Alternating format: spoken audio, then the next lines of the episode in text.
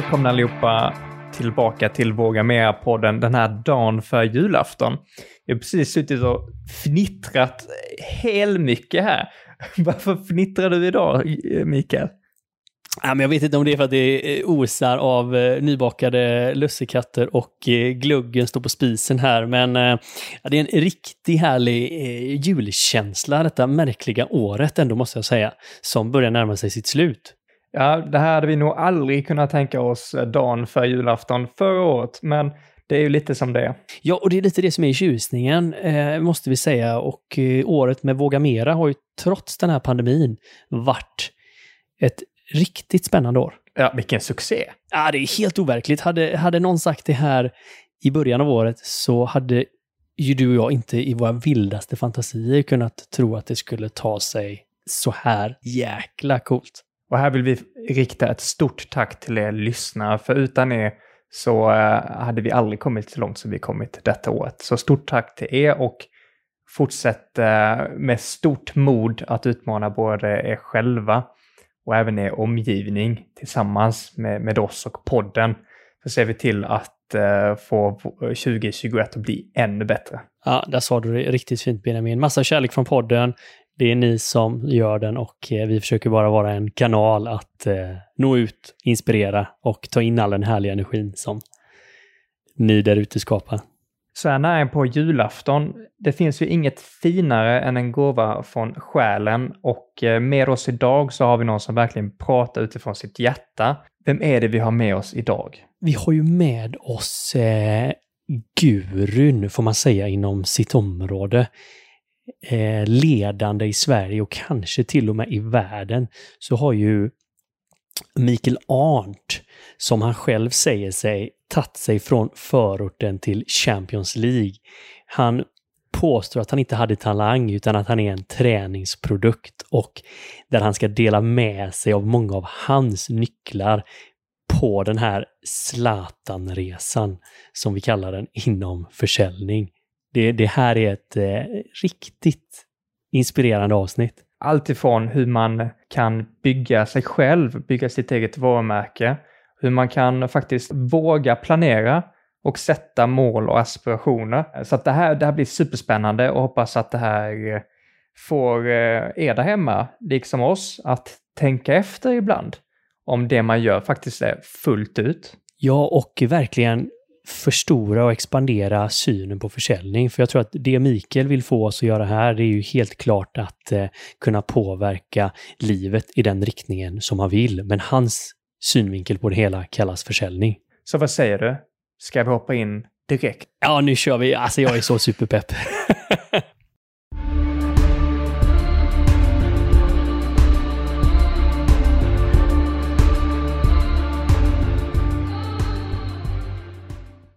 Idag så befinner vi oss här med eh, landets, eller om inte världens, eh, säljguru.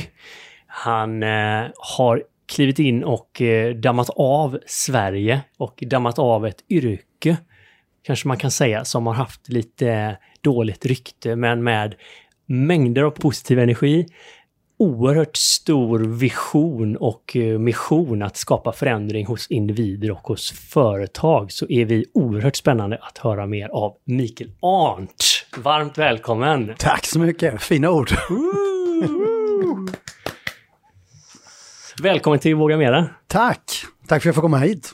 Fantastiskt roligt. Och tack för att vi fick komma hit också, för vi befinner oss faktiskt i Stockholm för detta avsnittet. Jag har redan hört en som sagt... Välkomna "Vad- hit. Vad är det du säger? Jag... Välkomna hit. Ja, men vad var det du sa i bilen, Benjamin? Det, det blir en gyllene triangel, ingen förstår någon. Skåne, Göteborg, Stockholm. ja, det enda vi saknar är en same, men det får man inte säga högt. Nej, jäklar, det, det här är allvarligt. Ja, eh, men det här med, det kan låta lite konstigt ju att prata försäljning och att det är så himla intressant. Men, men vad är Jag tycker inte alls det är konstigt. tycker det verkar för, förnuftigt. Kan du bara hjälpa oss lite där? Vad är det som är så förnuftigt med detta? Nej, men sälj är ju någonting som påverkar vad vi än gör. Folk vill ju inte vara säljare. Jag menar, säljare har ju ett taskigt rykte och spontant om man snackar med folk och man nämner säljare, så det är ju inte positivt. Utan det, alla har ju någon rövarhistoria om när man har blivit lurad på någonting. Och rent statistiskt sett så är det ju det sämsta jobb man kan ha i Sverige. Alla statuslistor, vad är det sämsta du någonsin kan jobba med? Som kommer efter slamsugare och soptömmare och allt vad det är för någonting så är det ju sälja på telefon. Just på telefon är väldigt hemskt. Så det är klart att ingen vill vara det. Officiellt. Men det är lite synd, för det är, det är den absolut bästa skolan man kan ha. För idag kan du bara välja på om du ska vara bra eller dålig på att sälja, för sälja kommer du göra. Jag, jag tycker det är så konstigt att man inte gör kopplingen till idrott och försäljning. För det handlar mycket om prestation och det är, du är inte bättre än vad du var senaste matchen och bla bla bla, allt det här. Men i försäljning, där spelar vi bara match. Alltså vi går på kundbesök, man säger så här, ja men du måste träna försäljning, tjatar jag om då. Ja men då jag träffar ju kunder hela tiden. Men det är ju match. Ja. Jag vill inte ha någon som tränar på mig om jag är kund. Jag är match. Jag vill ha liksom riktiga varan. Men när det gäller korpen till exempel, fotboll som jag var, jag var min karriär slutade när jag var 14 i fotboll, jag var inte så bra. Och eh, så började jag spela korpen sen när man var 20 någonting. Jag spelade med två serier, både så här, halv sju-serien och halv åtta-serien. För jag älskar det, för det var ju bara matcher. Det var hur bra som helst. Bara godbitarna? Ja, bara det som var kul. Men det var ju på en korpnivå rätt usel. Och det är så sälj lever sitt liv. Man spelar bara match. Och man spelar bara korpen då? Nej, men man spelar bara match och det blir korpen. Ja. Så det, och det, men man vill gärna ha vinsten som Zlatan, helst. Och man har fått för sig att bara för att man är snygg, charmig och allt det här så är man där. Och det sjuka är, och det fattar inte folk, att lönerna i försäljning är satta, du kan tjäna 40-50 000 i månaden och uppåt, men den är satt efter folk som inte pluggar, inte tränar, inte analyserar, inte skriver ner sina mål. Och de tjänar de pengarna. Om du börjar plugga, träna, göra alla de här grejerna, du ökar inte försäljningen med så 10% utan du dubblar, tripplar. Det är otroligt. Då är plötsligt, så det, du kan ha en 20-åring, jag hade 20-åringar som tjänade 150-200 000 i månaden hos mig för 25 år sedan. Men konkurrensen suger de flesta kommer inte försöka. Och det är det lite min mission när det gäller försäljning, det är att folk ska fatta vilka öppningar man får när man kan sälja. Och det handlar inte om att bli en jobbig typ som ska ljuga sönder folk. Eller, för det är ju så, någon gång ibland så pratar man försäljning i tv eller man skriver om det i tidningar och det är ju enbart då någon stackare har blivit lurad, någon 83-årig tant Agda som har köpt ett elabonnemang av någon skurk, som är skurk, vilket det, det ska ju knäppas åt.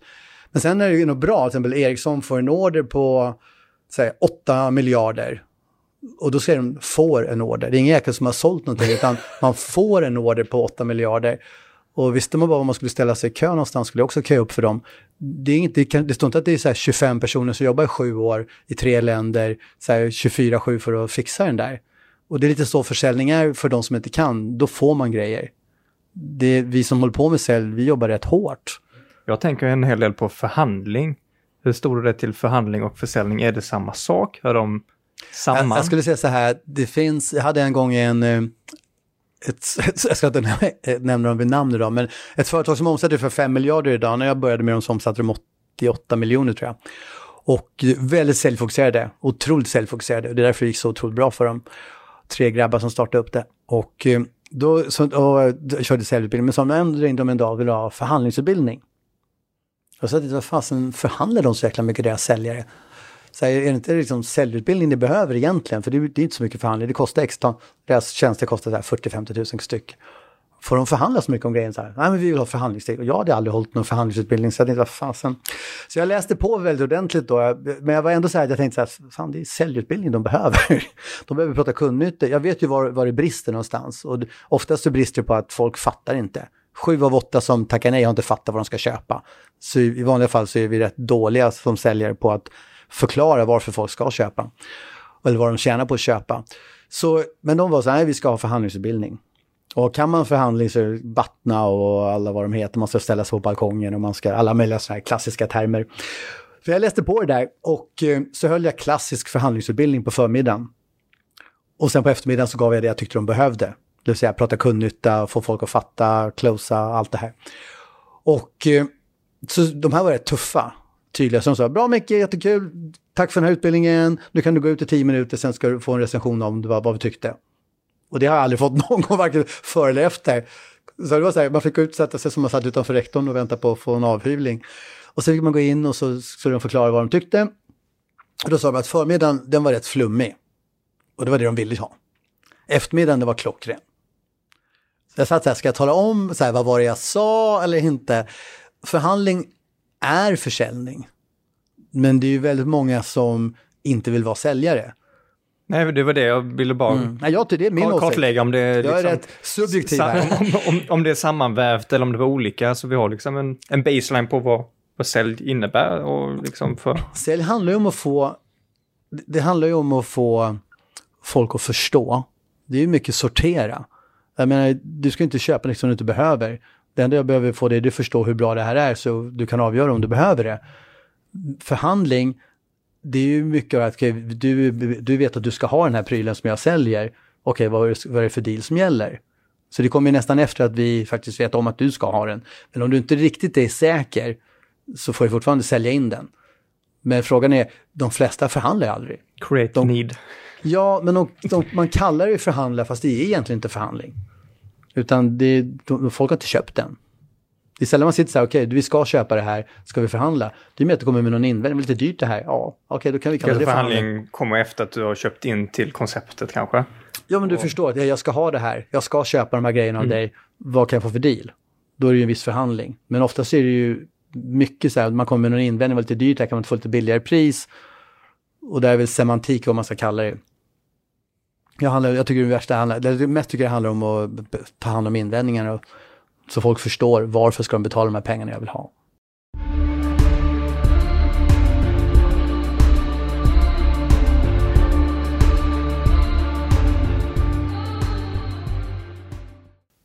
Jag pratade med brorsan innan vi åkte upp här Okej. och han har, han har följt dig eh, mycket och jag, jag tror att det är någonting i honom som du väcker till liv. Eh, säljet och Vad jobbar han även, han, jobbar på, han har jobbat på Volvo Mm. och nu har han börjat på Polestar. ja, så han okej. eh, jobbar inom logistik. Mm. Och egentligen varit längre bak i kedjan än sälj. Så han sa lite så här, alltså nu gillar jag ju väldigt lys ly- lyssna på Mikael väldigt mycket, men, men liksom varför? Det är ju så många av oss, han är ingenjör, Mm. jobbar med logistik. Jag är så långt ifrån egentliga försäljningen. Så hur ska jag se det som, vad kan jag jobba med av det som du pratar om? Så när jag är en stor organisation för att ja, men, utveckla mig, synas på rätt sätt, Det, det jag pratar väldigt mycket om när jag pratar sälj, det, jag pratar ju väldigt mycket personlig utveckling också. Och det, det handlar ju om, i, mitt, i min värld så handlar det, ska vi sälja någonting så handlar det om att bry sig om folk. Det är rätt enkelt egentligen. Och i och med att jag har hållit på så länge, så många år, så har man kokat ner och skalat bort, skalat bort vad är det som folk faktiskt köper. Och om man ska sälja in sig själv, det är ju så många olika situationer som är, jag kan säga så här, jag hade ett gäng tjejer, ett av de bästa nätverken tror jag nog som för unga, tjej, unga kvinnor i karriären hette det väldigt så här fint, för Handelskammaren i Stockholm. Och så frågade de mig så här, kan inte du ta en timme om försäljning med oss? Så här, och det, ja, absolut. Hon som höll i det var väldigt, väldigt vass. Hon är en duktig tjej. Och så sa hon, ja men så här, kan du ta hur man säljer in sig själv? Och jag tänkte så här, jag, jag, jag, satt på väg, jag satt i bilen med min familj på väg ner genom Sverige, jag skulle på semester. Så jag sa ja och sen tänkte jag inte så mycket mer på det där. Tills jag skulle hålla den där föreläsningen och undrade vad ska jag prata om egentligen? Och vilken situation säljer man, när säljer man in sig själv? Om man, för ingen av de här var säljare. Alla var mellan 25, 35, smarta som bara den, bra positioner, men inte säljare. Projektledare, och avdelningschefer och sådana grejer. Så då tänkte jag, så här, den, det tillfälle som alla har, det är ju när man ska ha sitt lönesamtal. det är sweet spot så att säga. Ja, jo, men det är det. Jag, tänkte, så jag tog fem minuter om det, hur man höjer sin lön. Och då måste du ju sälja in det själv. Och sen tänkte jag så mycket mer på det. Sen hade Handelskammaren ju rätt, stå- ja det var rätt kul ändå. För fem, sex månader senare så sitter jag på en julmiddag på Handelskammaren. Då hade man blivit inbjuden, vi som hade föreläst på lite olika ställen. Och de är så roliga, då satt man ett bord med sex personer och sen hade man en konversationsvärd. Det satt en tjej på varje gavel och som skulle se till att vi andra kunde prata med varandra. Så att det fick ju inte vara tyst och... Men det är ändå rätt stiligt sådär att de tar ansvar och nu är inte det problemet för oss att vi kunde prata tror jag. Men då säger hon efter en halvtimme så här, ja men det är du som höjer löner. Jaha, så jag. Så här, nej, så här, försäljning, det, det håller jag väl på med. Så här. Ja, men var det inte du som föreläste här med, för de här tjejerna? Och så här, ja, just det. Så berättade hon, då var det sju stycken som hade gått och höjt sin lön dagen efter. Menar du det? Och det var, rätt, det var, ja, det var rätt kul. Och sen, dagen, sen skrev de om det i någon tidning och sen satt jag, jag hade kontor på Kungsgatan i Stockholm och så var det en tjej som kom fram och sa, ja, kan, inte, kan, kan inte jag bjuda dig på en fika? Vi hade något fik tvärs över gatan. Så han, ja, absolut. Och då kom det fram att hon skulle ha löneförhandling dagen efter. Så dagen efter dubblade hon sin lön plus Smygfika. förmåner. Och det där det är rätt kul för det, folk säger, ja men jag är ingen säljare alltihopa. Vi, som jag sa, vi kan inte välja på om vi säljer eller inte, vi kommer sälja. Frågan är bara om vi ska vara bra eller dåliga. Och det är så synd tycker jag, och det är verkligen mitt mission som jag sa, få folk att fatta vad som händer. För man tappar så otroligt mycket möjligheter. Och, och det är rätt enkelt med lön, att höja sin lön, fast du måste vara beredd att gå därifrån om du inte får något. Och det är inte så att du ska hota någon, jag slutar, för det är, ja, de samtalen har jag också fått. Så, här, ja, jag slutar om jag inte får gå, om jag inte får mer pengar. Ja, men hej då. då. ha det det, men mentalt så måste du vara beredd att gå därifrån, för om du inte är beredd att gå därifrån kommer du aldrig få det.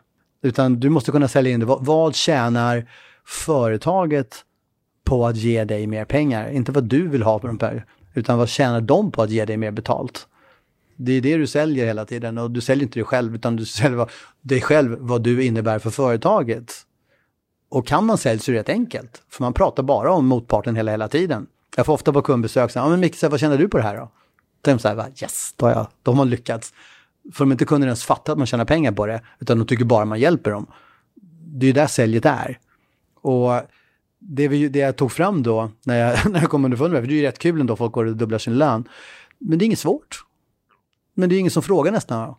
Det är som min fru som jobbar på förskola. Hon vet ju att ja, lönesamtal en gång om året, ja du får 300 spänn extra. Ja, men det är ju där vi är nu. Coronaår, slutet av året, löner, ska man gå in och höra, man fick sina 350 eller 550. Om man ens fick det. Ja, man, idag ska man vara glad att man får behålla jobbet för många. Så det är ju många som har drabbats som, som är jätteduktiga, men så är det någon facklig grej så åker man ändå. Då. Men hur gör man om man ska möta det här helt motsatsen? Alltså oavsett utkomsten som du säger, om jag ska gå in och få Nej, en lön som... Alltså för till att börja med så ska man fråga efter det man vill ha, inte det man tror man ska få. Så kliver du in och tror, ja men det är okej, vi har fått 14 000, ska fördelas på 50 personer, det är 400 kronor var, that's it. Så jag menar, om det finns 50 000 att fördela, det är väl bara att fråga efter de 50 i så fall. Om, men du måste, företag måste ju fatta att de tjänar på det, för annars kommer de ju aldrig göra det. De andra får ju förhandla för sig själva.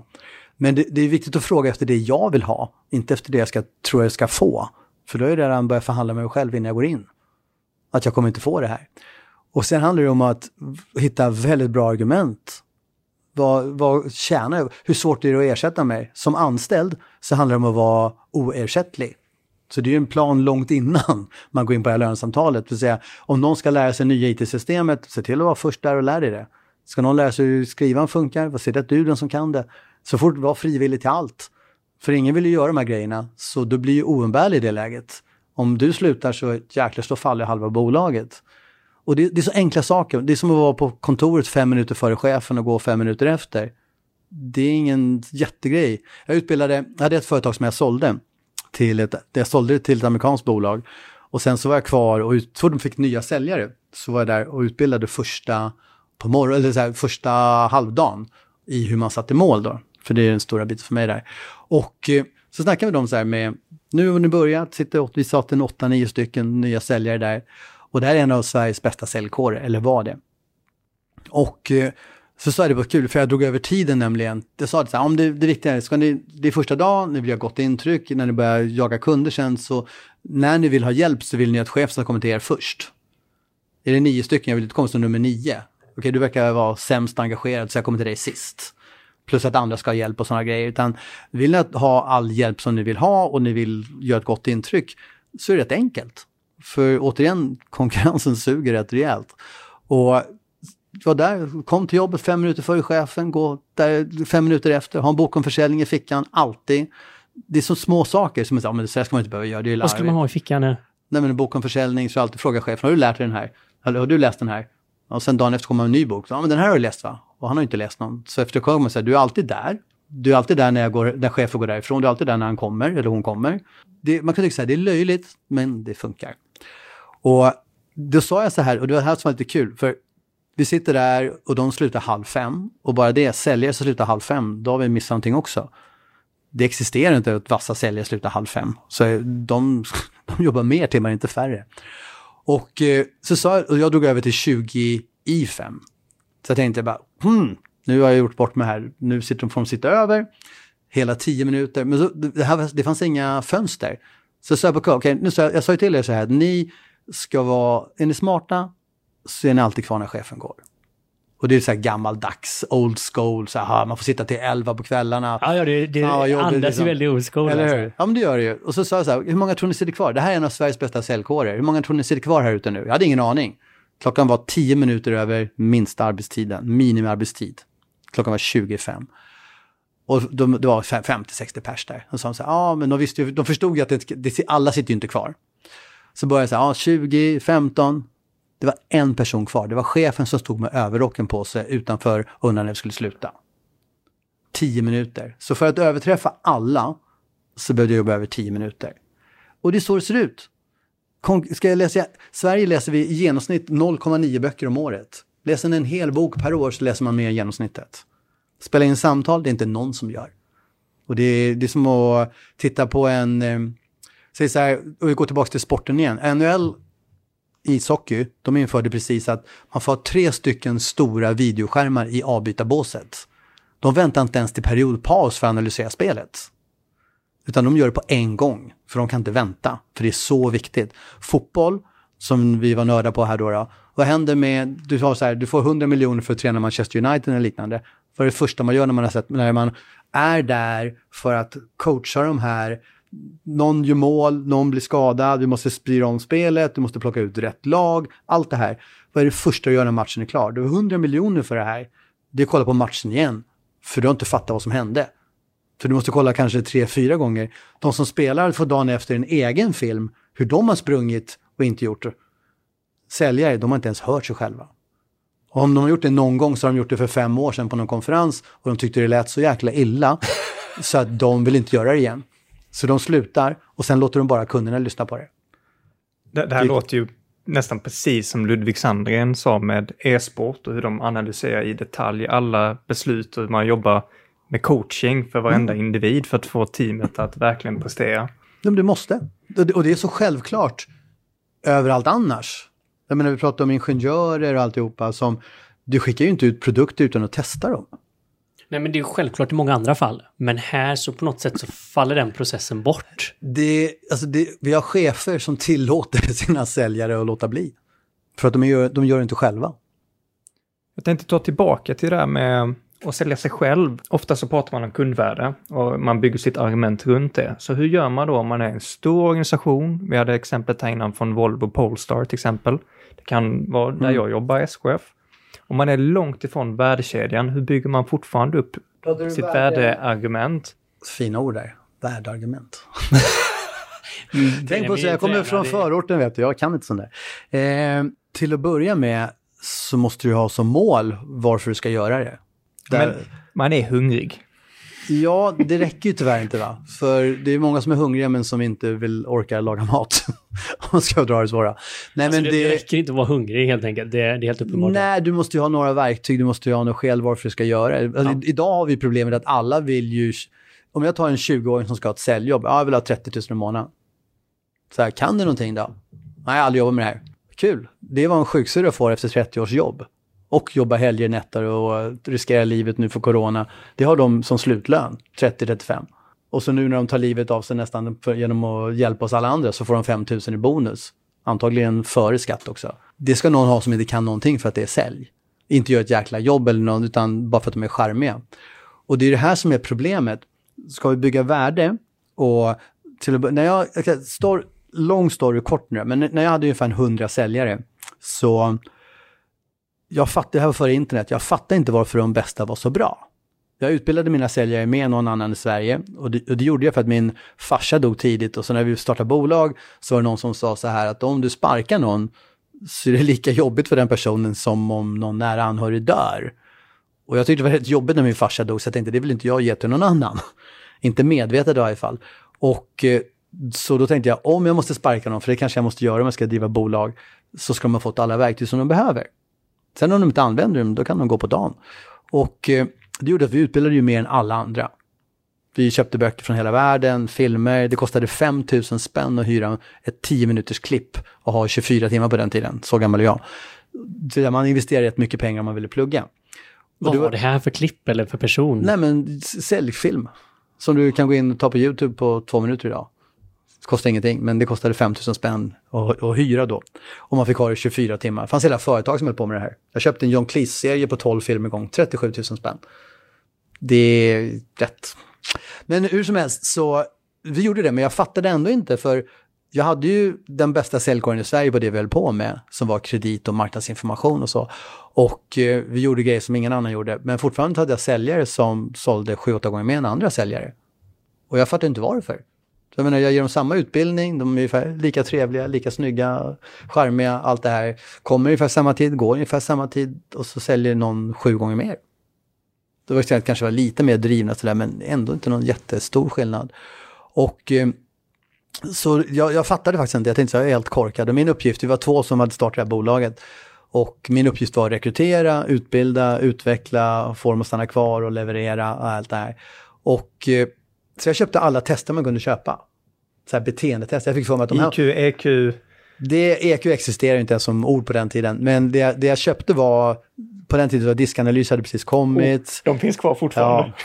Thomas-tester fanns det som var variant på det här, 3.6, det är massa varianter på det. Och eh, så tog jag mina sämsta säljare. Hej, er vill jag aldrig träffa, jag sa inte det, men det, hur kan jag undvika er i framtiden? Och så tittade jag på mina bästa säljare som då sålde 7-8 gånger mer. Er vill jag ju leta, jag sa inte det här till dem, men det var min tanke. Hur kan jag leta efter de här blivande stjärnorna? Vad gör de för någonting? Och hur kan jag hjälpa mina sämsta att få samma beteende? Men det fanns bara en, här, en skillnad som man kunde titta på. Och det var att de som var bäst hade valt att vara bäst. De hade valt att vara bäst. Så de var sjukt målfokuserade. Samtidigt så kom det en undersökning som sa att ungefär 3% av befolkningen i Sverige sätter mål. Och samtidigt som det så var det ett tv-program, det är ett amerikanskt tv-program där man har tagit med sig de sju främsta företagsledarna i världen. Det var Bill Gates, Steve Jobs, det var han i Mexiko, Carlos, telefonkillen som var världens rikaste ett par år. Det var Toyota-chefen som jag inte kommer ihåg vad han hette, och några till. Och så frågar man dem, hur kommer det sig att ni är så galet framgångsrika? Jag menar så sjukt framgångsrika så att ni har här, 200 000 anställda och så är man 35 bast. Det, ja, det är helt knäppt egentligen. Och alla sju säger bara, det är mina mål. Det är mina mål. Det är mina mål som har fört mig hit, en efter en efter en. Så jag fick ju tre käftsmällar i rad. Då. Först min egen och sen mina testers och sen var Sverige och sen de här. Så jag förstod ju då till slut att det här med mål måste ju vara viktigt. Så då tänkte jag ska vara en fin chef och säga det till dem så här när, när jag får in mina nya anställda. Okej, okay, vad har ni för mål? Jag ska hjälpa er att nå era mål. Men de hade ju inga mål. För det var ju bara de här tre procenten då. Så då började jag utbilda folk i hur man sätter mål. För så här då så kommer hur, folk till dig, men de har inga mål. Nej, nej. De, det var ingen som hade drömt om att jobba hos mig. De visste inte vem jag var. Och eh, de fick väl inget annat jobb och så hamnade de hos mig. Någon polare sa, ja ah, men kom till oss, här är det rätt kul sådär. Och jag sa ju det första, att första, första timmen så sa vi välkomna och tog en fika. Andra timmen var, okej, okay, vad ska ni jobba när ni slutar hos oss? Alltså det är så jävla kraftfull fråga. Och så säger de så här bara, äh, får man sparka om man svarar fel nu då? Och, men det var på riktigt, när jag sa det, ni kanske är här ett år, ni kanske är här två år om vi har tur. Och eh, det är ingen av er som har drömt om att vara här. Det är bara en slump att ni är här. Så det, det är inget så här, wow, jag ska vara hos er. Och eh, vi sålde in det här, det var väldigt mycket mer än vad de trodde att det var. Så de fick ju sjukt mycket utbildning och allt det här som de inte fick någon annanstans. Vi fick ju folk till slut som kom till oss för all utbildning. Men de hade ju ingen aning. Och eh, då sa jag det, okej, okay, om två år så kanske ni slutar. Mitt mål är att ni aldrig ska sluta. Men det kommer nya. Statistiskt sett, på den tiden så hade man 12-13 jobb i sitt liv. Nu är man uppe i 20 jobb i sitt liv i 7-8 helt olika branscher. Så man har folk till låns. Men ju längre man har till låns, desto mer pengar tjänar man.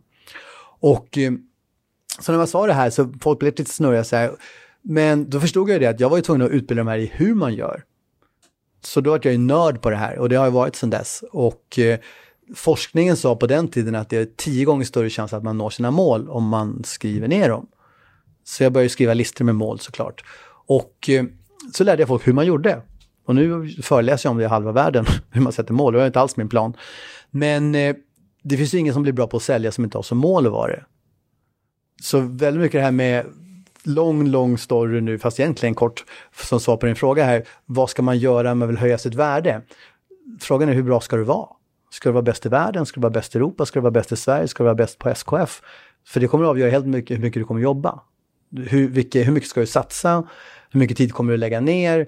Och de flesta är inte beredda att lägga ner någon tid alls. Om de inte har ett väldigt tydligt mål. Om det är så här att, okej, okay, jag ska vara chef på SKF inom fem år, annars kommer alla mina nära anhöriga att dö. Då kommer jag göra mer än om jag bara, om du får en schysst lön. Så frågan är varför.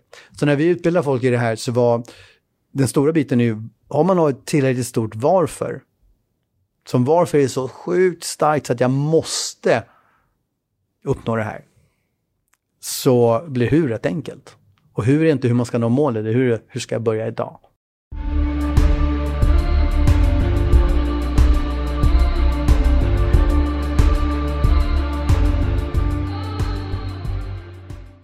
Bara genom att reflektera till vad man gör mm. steget längre, men också att man faktiskt tar rätt beslut. Nu gör jag med lite så här mm. apostoftecken, men uh, runt 40 procent generellt fokuserar helt på fel saker på företaget.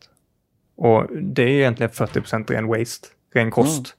Så om man är lite mer medveten och faktiskt liksom tar sin tid att säga, det jag gör nu, har det någon bottom line effekt eller inte? Redan där har man ju kanske sparat 40 eh, procent ytterligare värde. Det jag tänkte på, för du nämnde precis det här med kundvärde. Eh, man kan ha olika strategier där och ett mindre företag där kanske all försäljning sker eh, person till person. Men större företag där kanske man eh, säljer stora volymer mm. och man måste se över kostnaden per transaktion. Så vad, har, vad är din syn på volym kontra att man exponerar egentligen ett fixt värde eller att man går ut med ett utgångspris mot att man eh, tar individuella kundbemötande och liksom säljer på kundvärde för varje specifik individ. Det beror på lite, som alltid med sälj. Är du på ett stort företag och det kostar en viss summa per vad du nu säljer, du kan ju alltid ta, på, I min värld så är det alltid individuellt som gäller. Nu säljer jag en produkt själv. Om jag, det jag håller på med, det kostar, jag har en plattform, säljutbildning och ett paket som jag satt ihop. Och det kostar 10 000 spänn. Det kostar alltid 10 000 spänn. Det, jag kommer inte sitta, ja du kan få det för 8. Det existerar inte. Och vi vet ju det att ska vi ge rabatter, jag har alltid sagt rabatter har vi i trädgården, utan rabatter har vi, då måste det ju vara någonting som jag får istället. Men det är bättre att fokusera på vad det är värt för kunden. Så jag menar, jag kan ju ha någonting som för dig är värt väldigt mycket mer pengar än för någon annan. Och i det läget kanske det kostar mer pengar för dig. Det är precis det, det, det jag tänker på där. Visar man då att ja, men det kostar 10 000, då har du ju på något sätt tagit bort den möjligheten att sälja det för 100 000 till mig. Men det, det är också lite olika, för du kan ju sälja på kundnyttan hela tiden. Men du måste också bestämma, för om jag får köpa det för 100 000 och så säljer du till 10 000 någon annan, varför då? Så det, går, det är inte så enkelt att göra heller. Mm. För då kommer jag säga, men jag ska ha det för 10 också såklart. Och då tycker jag att du håller på att lura mig bara för att du mm. kan. Och då kommer vi inte ha någon bra relation. Så det finns många sidor i det hela. Men om vi säljer, om jag säljer min, min tid, så jag har ju ett pris på min tid om jag ska föreläsa eller coacha någon. Och eh, det är ju det jag säljer in det på, det kostar ju en viss summa pengar, du får betala, alla betalar ungefär samma sak. Men den kan ju vara värd mycket, mycket mer för dig. Så för du kanske tjänar 20 miljoner på att anlita mig i två dagar. Någon mm. annan kanske tjänar 400 000. Fast idag betalar man för sig. Men jag skulle ju kunna säga, okej, okay, för det, du får betala det här. Fast då är du rätt usel på att förhandla om du inte köper det för den andra pengen.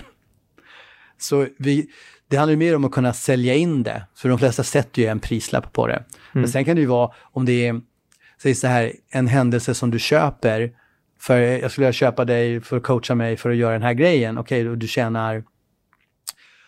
Jag har en kund nu som jag jobbar med som kan tjäna sjuka pengar på att anlita mig. Vi pratar miljarder. Och eh, det är klart att, och det är bara ett case. Det är klart att då har inte jag ett standardpris på det. Då kan jag ta rätt bra betalt i, för, per timme, men de betalar inte för min tid. De betalar för att de kan tjäna sjuka pengar. Det är det jag säljer. Jag säljer inte, ja du får två timmar om en tid. Det är som om jag ger er ett aktietips. Ja, det tog tre minuter och så tjänar ni 20 miljarder. Det är inte värt så här, tre, ja men du 1500 kronor i timmen och eh, det är inte riktigt där vi är va.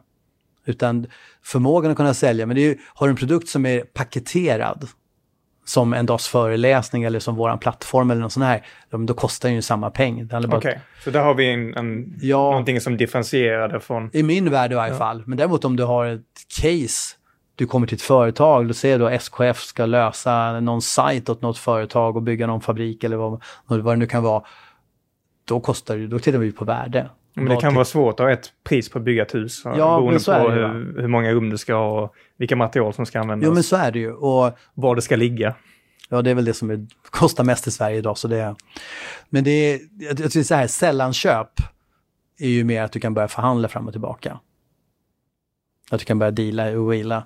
Men vi vet ju, forskning säger det att så fort du, du ger ju, eller säger så här, när du eh, om du låter bli att ge rabatter, låter bli att sänka priset, så kommer du alltid tjäna pengar.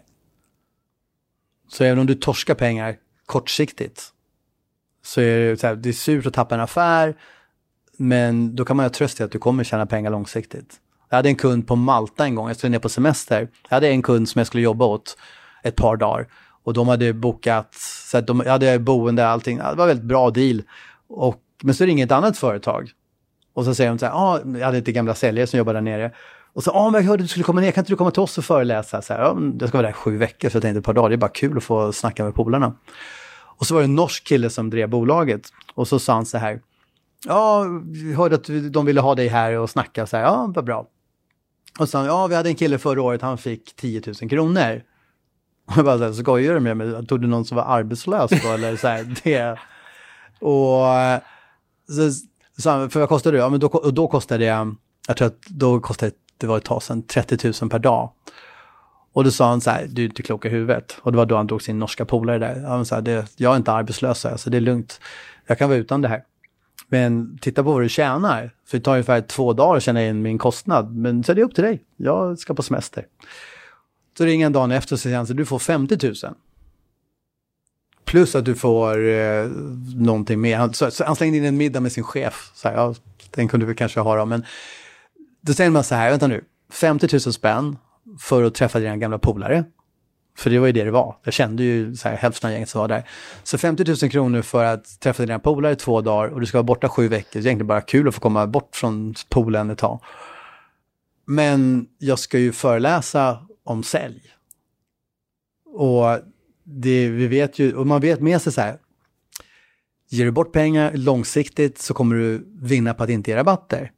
Så då frågade jag honom, sa så här, men du, ska, bara så att jag har koll på vad jag ska snacka om. Jag ska alltså utbilda de här i hur man ger rabatter.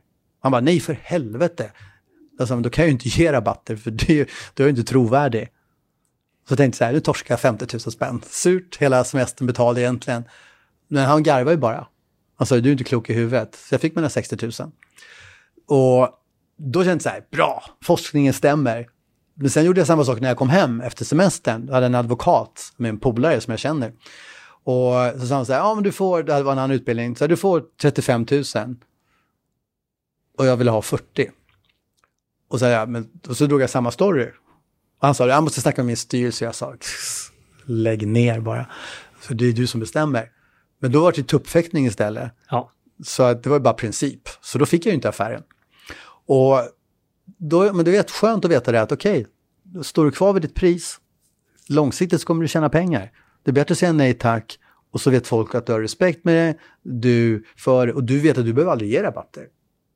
Det, du får en helt annan styrka. Att, nej, men vi, vi håller inte på med sånt. Det är ju så starkt detta och man märker ju att det är ju ett proffs som sitter framför. Inom mig själv så bubblar ju bara massa grejer upp där jag själv ser hur jag har gett bort saker, sänkt priser, tvivlat på mina leveranser och kvaliteten. Och för hur håller man sig där? Jag, jag har sett tendenser i mig själv att mm. ju närmre produkten eller det värdet jag vill förmedla kommer mig själv och mitt hjärta, så att säga, så har det blivit svårare att stå för det. När jag har sålt åt någon annan eller jag har sålt åt ett stort bolag, stått för någonting som, som är okej i relation till, så är det okej. Men mitt egna bolag eller min egna kurs eller så, så på något sätt tenderar jag att gå motsatt istället. Och det borde vara fall... tvärtom egentligen, tycker man. Rent logiskt. Att du borde stå med för dina egna grejer. Ja, det håller jag med om ju. Det är ju egentligen det jag vet att jag vill, men någonstans mm. går jag vilse där på vägen och det smyger in någon osäkerhet eller tvivel eller någonting. Det, det det handlar om, det handlar om att man måste kunna sälja in nyttan av vad vi faktiskt säljer. Jag har en kund nu som de köper för, vad köper de för? Säg, ja, säg 300 000 ungefär. Och de har, säg de har tio säljare. Alltså det är, det, det är så lite de behöver sälja för att få in de där pengarna. Men alla kommer ju fråga efter rabatter, rabatter eller billigare priser och bättre deals. Och forskningen säger det. Och jag tycker om forskning. Jag gillar Greta Thunberg som inte säger, men jag kan ingenting, men jag bara kollar vad vetenskapsmännen säger, eller kvinnorna. Och så har man ingen bättre forskning får man gå på den som finns. Och sälj finns det mycket forskning. Och just det här med att ge rabatter och alltihopa. Som kund, och det är också ett bra skäl för att lära sig försäljning. För man får väldigt mycket bra saker privatekonomiskt om man är bra på sälj. Om man bara suckar och pustar tillräckligt högt. När någon säger, ja ah, vad kostar det här? 30 000 spänn. Och, puh, puh, 30 000 spänn, du vet, det, är, puh, det är värt det. Jag vet att det är värt det, men vet, jag, min styrelse, min chef kommer aldrig gå med på det. Vad kan du göra? Så får man i genomsnitt 25% rabatt. Och det gäller om det du går går på älgjakten också. det, nej men det gör ju det.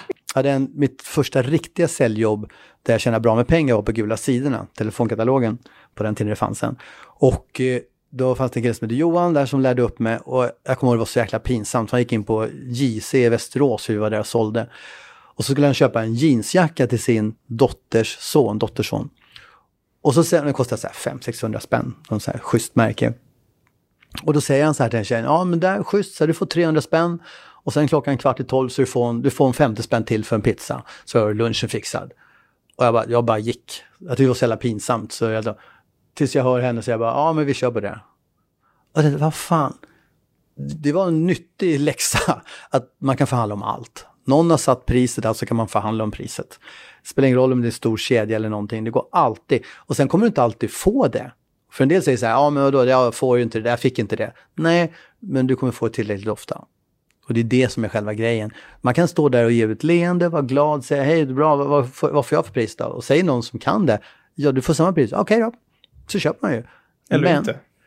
Ja, men i de allra flesta fall så får du någonting. De slänger med någonting. Och det är ju, som köpare så har man ju sitt eget företag, sin egen familj som ska ha mat på bordet, som man ska skydda först och främst. Sen ska man inte trycka ner någon i skorna bara för man kan. Man känner ju här, eh, du exponerar ju den här rädslan, alltså, jag, säger det som rädslan att få ett nej. Alltså vad är det som gör att nio av tio inte vågar göra detta, att exponera sig, gå in i den här zonen? vi, vi vill inte få ett avvisande. Och det, vi snackade här om i, i min egen podd här för några veckor sedan. För eh, avvisande förr i tiden, när vi bodde i grottor och i små stammar och för tusentals år sedan. Det innebar att när det kom en ny stam som flyttade in i närheten, så om man gick dit och blev avvisad, då blev man dödad. Eller uppäten, eller liknande hemskheter. Och det, gör det, här, och det här sätter sig ju latent i våra hjärnor sedan miljontals år tillbaka att hej, du, vi tycker inte om att bli avvisade. Det är inte skoj när någon talar om för dig, jag tycker inte om dig. Vi gör allt för att slippa den här Ja, känslan. ja. Och det är, jag hade en säljare som började hos mig nu för bara några veckor sedan som slutade innan den ens kom igång för att klara inte av det. Tyckte det var jättejobbigt. Hur bra kille som helst. Men eh, klarar inte av det. Men hur gör man för att stå i den här? För det är ju en hemsk känsla. mål. Alltså det, vi allting, det är därför allting utgår från varför gör du det här? För det är ju så här, alla är rädda, alla tycker det är jobbigt, men vissa gör det ändå. Och det är det som är skillnaden, för när du väl gör det ändå och så gör du det kanske 2000 gånger, ja, men då har du ju flyttat den här jobbiga cirkeln eller boxen eller vad du sitter i. Och då har du du just skapat en vana, men vissa gör det ändå. Så att fast de är rädda, fast de tycker det är jobbigt och man hör massor med idrottsmän, kvinnor, alltihopa tycker det är skitjobbigt, de spyr innan de ska in och fightas eller vad det nu är för de håller på med för sport. Men de gör det. Klappa omen. Ja. Ja, men upp igen, pusha komfortzonen. Ja, men du måste ha en bra anledning. Jag brukar, jag brukar dra i drastiska, mina döttrar tycker inte om det, men jag har ju en son också som är 20. Och sen när han var liten så har jag alltid sagt så här, men tänk om någon, man säger så här, okej, du, ska, du, du ska kunna kinesiska om tre månader, flytande.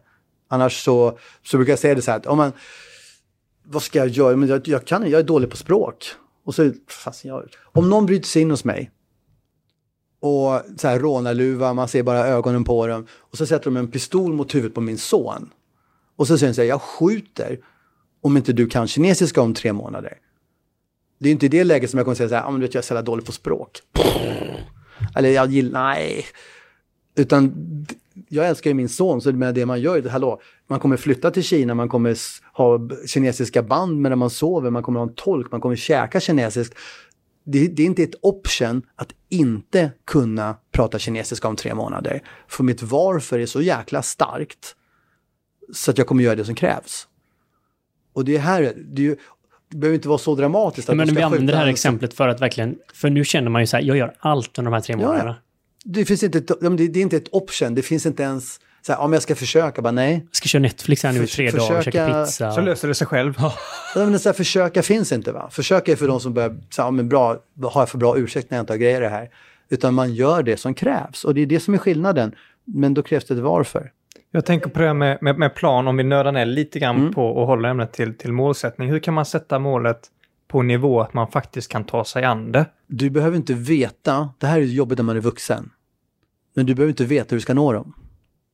Och det, det är jobbigt. För om man säger så här, ja, jag, ska, jag ska tjäna 10, jag ska ha 10 miljoner på banken. ja, hur ska det gå till? Där? Ja, ingen aning. Då tror man du är en jävla snackpåse.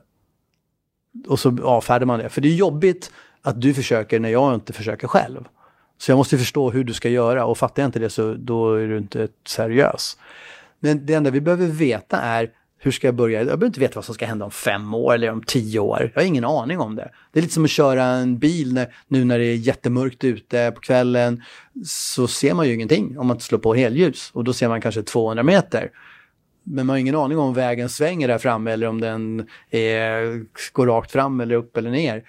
Men man, när man har kört 200 meter så ser man ju 200 meter till. Och sen ser man 200 meter. Men om jag ska åka upp till Skellefteå. Det enda jag behöver veta är vilken väg ska jag ta ur stan. Det är bra om jag åker norrut i varje fall. Sen kommer jag se där uppe i Sundsvall att jag ska svänga, fortsätta åka. Det är precis när jag kommer fram som jag måste veta exakt hur jag ska åka. Och det är ju samma sak med mål. Jag behöver veta exakt när det är precis innan. Hur går, hur går jag i mål? Så jag inte går med på fel ställe. Men fram till dess handlar det bara om vilken riktning. Vad ska jag börja? Om jag måste läsa böcker, som du sa, bygga värde, bygga högre kundvärde. Ja, plugga på det, bli experten, bli nörden på det du håller på med. Och bli nörd på hur kan jag skapa värde åt min chef? För skapar jag värde åt min chef så kommer han eller hon ta mig vidare och gör de inte det så byter jag jobb och då kommer jag, står folk i kö för att anställa mig för jag är nörden, jag är experten, jag har kunskapen. En del chefer är rädda för att ta in folk, men då får man skapa det själv. Och jag har alltid sagt så här, det, det viktigaste är att man inte vaknar upp när man är i min ålder som jag är nu då, och känner att man är bitter och besviken på livet och så skyller man på alla andra. Jag hade fel chef, det är fel regering, där man egentligen kunde påverkat allt. Men det gör inte folk, för det är bara 2-3 procent som väljer. De andra, de står där och väntar på att någon annan ska göra det. Va? Och det här är så oerhört starkt. Jag tror man känner det på det, men vi som har förmånen att sitta med det. Det finns ju en, en glöd och passion i hela din närvaro som är väldigt ovanlig i Sverige skulle jag säga och kanske framförallt, det försvinner ganska fort som Andreas Grante från Strive sa han, efter 30 sa han så har inga polare någon gnista kvar. Men hur gör du för att fortsätta att glöda och hålla energi och passion och visioner vid liv? Det jag gör, ja men det har mitt varför. Jag älskar mitt jobb, jag har världens, det här är ju stor egotripp egentligen, det är bara för att vara med här, det är ju, är, är ju coolt ju. Och det är ju så, då kan man gå hem och skryta om så här, men jag var inbjuden till podd idag så här många säljare tycker om att få synas. Och det är därför det sällan handlar om pengar. Får vi synas så är vi lyckliga. Klapp på axeln så är man glad där. Och det är därför som det är, Ingvar Kamprad sa så här en gång att man, eh, det, usla chefer skapar dyra lösningar. Vilket är genialt. Och eh, det är ju så, då slänger man pengar på folk. Det finns alltid någon som kan slänga mer pengar. Men det finns inte så många som bryr sig om sin personal på riktigt. Så man behöver inte slänga så mycket pengar. Och det gör inte Ikea heller, men de har ju världens trognaste personal. Så de gör ju någonting rätt där. Men jag har ett bra varför. Det är när jag, gör, när jag träffar folk, och allt ifrån 20-åringar till, eh, ja, till de som är min egen ålder och uppåt, så alla ökar sin försäljning. Vem jag än pratar med så ökar de sin, jag har gjort 30 år i 25 länder. Vem jag än pratar med ökar, kan liksom förändra sitt liv. Och det gäller ju både privat och jobbmässigt. Och eh, det är som knark. Har man fått mail någon gång så här, ja ah, men du vet jag hade en här igår som skrev så här, ja ah, men du föreläste hos mig för tre eller fem, sex år sedan och jag tredubblade försäljningen och sen bytte jag jobb och så där tredubblade jag försäljningen igen och sen startade jag eget och det är 100% över budget redan nu så bara tack, tack, tack, tack, tack, tack. Det är rätt schysst alltså. Och det är belöningen där som kommer. Ja, men det är belöningen och får man sånt nästan varje dag som jag faktiskt får, så det är som knark. Det handlar om ett brinn. Det, är ett klipp som man kan titta på som är jävligt bra. Det är med Will Smith på YouTube. När han pratar om konkurrens. Han säger det, jag är inte den smartaste, sexigaste, snabbaste eller vad det är. Men gå upp på ett löpband. Var beredd att dö. För jag kommer dö där mer än jag kommer förlora mot dig. Det är lite den inställningen. Ska du spöa mig då kommer du få jobba häcken av det. Jag klev inte in för att vara nummer två utan man ska inte tycka att det är kul. Vi öppnade ett nytt bolag för sju, åtta månader sedan. Det ska inte vara skoj att veta att jag går in i den branschen. Konkurrensen, ser, konkurrensen är rätt usel och min plan är att det ska vara jobbigt när jag går in. Du ska få jobba häcken av Men det är som när Zlatan kommer till ett nytt land och han är där för att vinna ligan. Ja, men det, det, varför gå in om... Det är ju så här, vi kämpar aldrig mot mer än 2-3 procent av befolkningen. För det är ingen som anstränger sig eller Nej, de andra 97-98 sätter inga mål. Och det är som att säga, hej, jag vill börja spela. Hade det varit så här i fotboll, det hade varit drömmen för mig. Då hade jag spelat i Barcelona, om ingen tränar. Ja, för idag är ju du eh, Zlatan inom din genre. Det, det säger han, vi. Ja, ja, det säger vi, eller jag, jag, kan säga, jag, kan säga så här, jag, kan, jag kan spela in det och så kan jag spela upp det några gånger sen. Nej, men det... Jag, jag, det är så här, jag kan sälja. Jag hade noll talang när jag började, verkligen noll talang. Och, eh, men jag har tränat sjukt mycket. Och jag gör det fortfarande, jag har gjort det varje dag de sista 30 åren. Och eh, det gör att man lär sig, men jag vet ju också hur mycket jag inte kan. Och det är ju en, det, när du hör de här som, ja men jag, för jag träffar ju folk som bara, ja men jag kan försäljning, vet vi kan försäljning, man säger stackare. För det är bara mediokra som säger det. Ja. Men Zlatan vet ju vad han inte kan. Och han gör ju inte allt rätt. Men man, hur mycket skit får inte han där när han är med i landslaget, bara, han gör allting fel alltihopa. Men han är ju bäst överallt. Men han vet ju också vad han inte kan. Och det är, oftast har man de som är bäst, de är oftast sjukt ödmjuka. Ja, nej, men jag ramlade in på det här av en slump. Ja, men, nej, men det är inte så märkvärdigt. Men de jobbar ju häcken av sig. Om man nu sitter där hemma, lyssnar på detta, känner shit, eh, Mikael inspirerar mig verkligen. Jag inser, Köp att, eh, jag inser att jag kanske lirar i korpen, men vill gå i dina fotspår och eh, ta mig mot Champions League. Vad är, det, vad är det första man ska göra? Nummer ett är att skriva ner sina mål. Sätta sin tio topplista över sina mål så att man vet varför man ska göra det här. Så man vet hur mycket ska jag kämpa? Ska jag vara bäst i världen? Ska jag vara bäst i Europa? Och det är inget så här, ah, alla ska vara bäst i världen annars är man en sopa. Absolut inte. Men stå för vad du väljer. Ja, och våga, ja, nej, våga som, säga inom mitt område eller inom en nisch eller ett intresse. Ja, men alltså du behöver inte vara bäst heller. Jag, kliv in och säg då att jag ska lägga mig på en nivå, jag vill tjäna mina 30 000 i månaden och sen ska jag samla frimärken eller vad, plocka svamp eller vad jag känner för. Och stå för det. De har man ju respekt för. Men man har inte respekt för de här som säger att de vill ta över hela världen och inte gör något. Så inom försäljning, det är tacksamt på det sättet. För får man klart för mig varför man ska göra det här jobbet, varför ska jag nu vända, varför ska jag börja med försäljning? Eller om nu vilken bransch jag är, varför ska jag höja min standard? Så man har det glasklart för sig, för då är man ju beredd att göra jobbet. Och jag har alltid sagt till mina barn när de växte upp att skaffa ett jobb som ni tycker är kul. För tycker ni att det är kul så kommer ni jobba mycket och jobbar ni mycket så blir ni jäkligt bra och blir ni jäkligt bra så kommer ni tjäna pengar.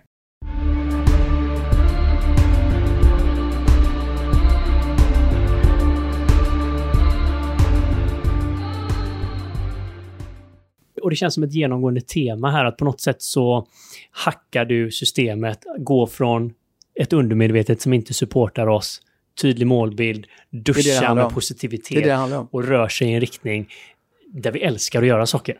Skälet varför folk inte når sina mål är att de inte väljer dem själva. Det är någon annan som tycker du ska plugga juridik eller du borde göra det här eller du borde hålla på med det. Om du inte tycker om det, om du inte tycker om målet, du förstår inte målet, så blir varenda liten jäkla problem som dyker upp väldigt stort. Medan de som är väldigt fokuserade, de fokuserar på vad de ska uträtta och hur de ska nå sina mål. Och om du inte tycker om målet, du kanske inte förstår målet, du tycker varenda lite problem som dyker upp blir väldigt, väldigt stort. Och vi, vi känner allihopa någon som är negativ som alltid ser problem istället för möjligheter. De kommer inte hitta möjligheterna, de kommer inte sitta och läta hur man ska göra, hur ska bli den bästa säljaren eller bästa på SKF då. För de ser bara problem. Och de, tycker, de vill inte ens nå målet, de förstår inte målet, tycker inte om målet. Medan de som når sina mål, de väljer ju sina mål själva. De väljer dem själva och de står för det, de är lite halvnördiga ibland.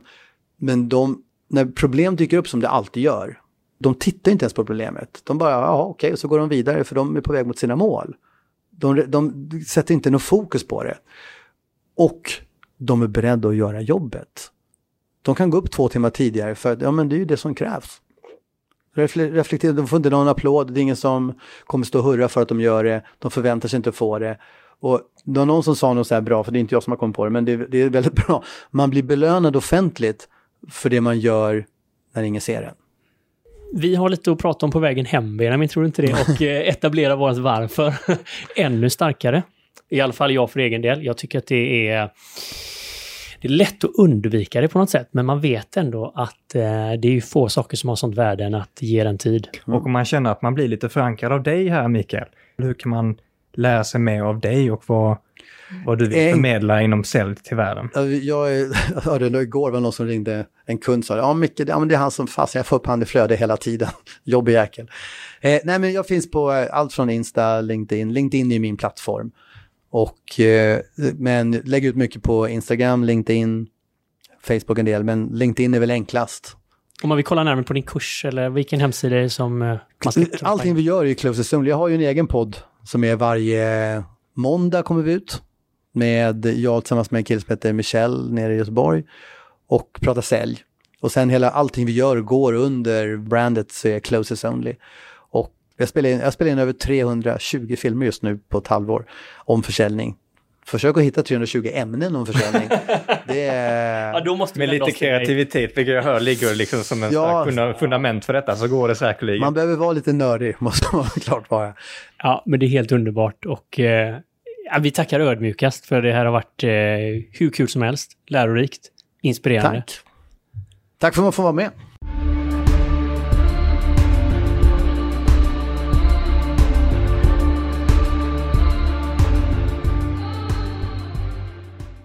Mikael, det här var sista avsnittet av Våga Med detta året. Ah, alltså, snacka om inspirerande avslut som eh, i alla fall i mina fickor har satt några tankefrön som jag ska låta växa här över julledigheten. Och vilken perfekt timing för att efter jul kommer nyår och vad gör alla under nyår? Alltså det absolut bästa man kan göra det är ju bara hoppa rätt in på Våga Meras Facebook-sida och på Instagram och bara trycka like, slänga iväg en kommentar, boosta varandra och ja, men var riktigt redo för att bygga ett Epic 2021. Ja, precis. För vem behöver raketer och målsättning och nyårslöften när vi har varandra och vågar mer? Alltså, ja, jag tycker det är så helt rätt. Exakt!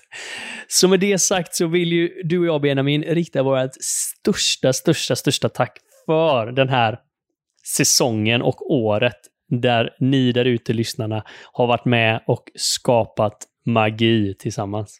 Stort tack till alla er som har lyssnat på oss och delat avsnittet. Eh, vi är ingenting utan er. Våga Mera är oss allihopa tillsammans. Så massa kärlek från oss och eh, ta hand om er där ute nu och ha det roligt. Var försiktiga. Så syns vi riktigt peppade till 2021. Till nästa gång. Våga Mera.